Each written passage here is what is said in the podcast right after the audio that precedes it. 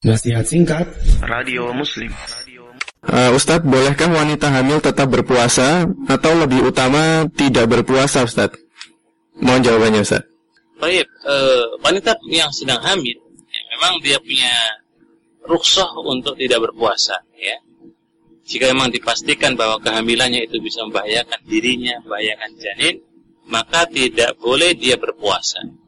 Tapi kalau seandainya kemudian dia hamil, ya, dan fisiknya kemudian sehat, jarinnya sehat, e, bayinya juga sehat dan dia tidak ada masalah, ya ya silahkan berpuasa.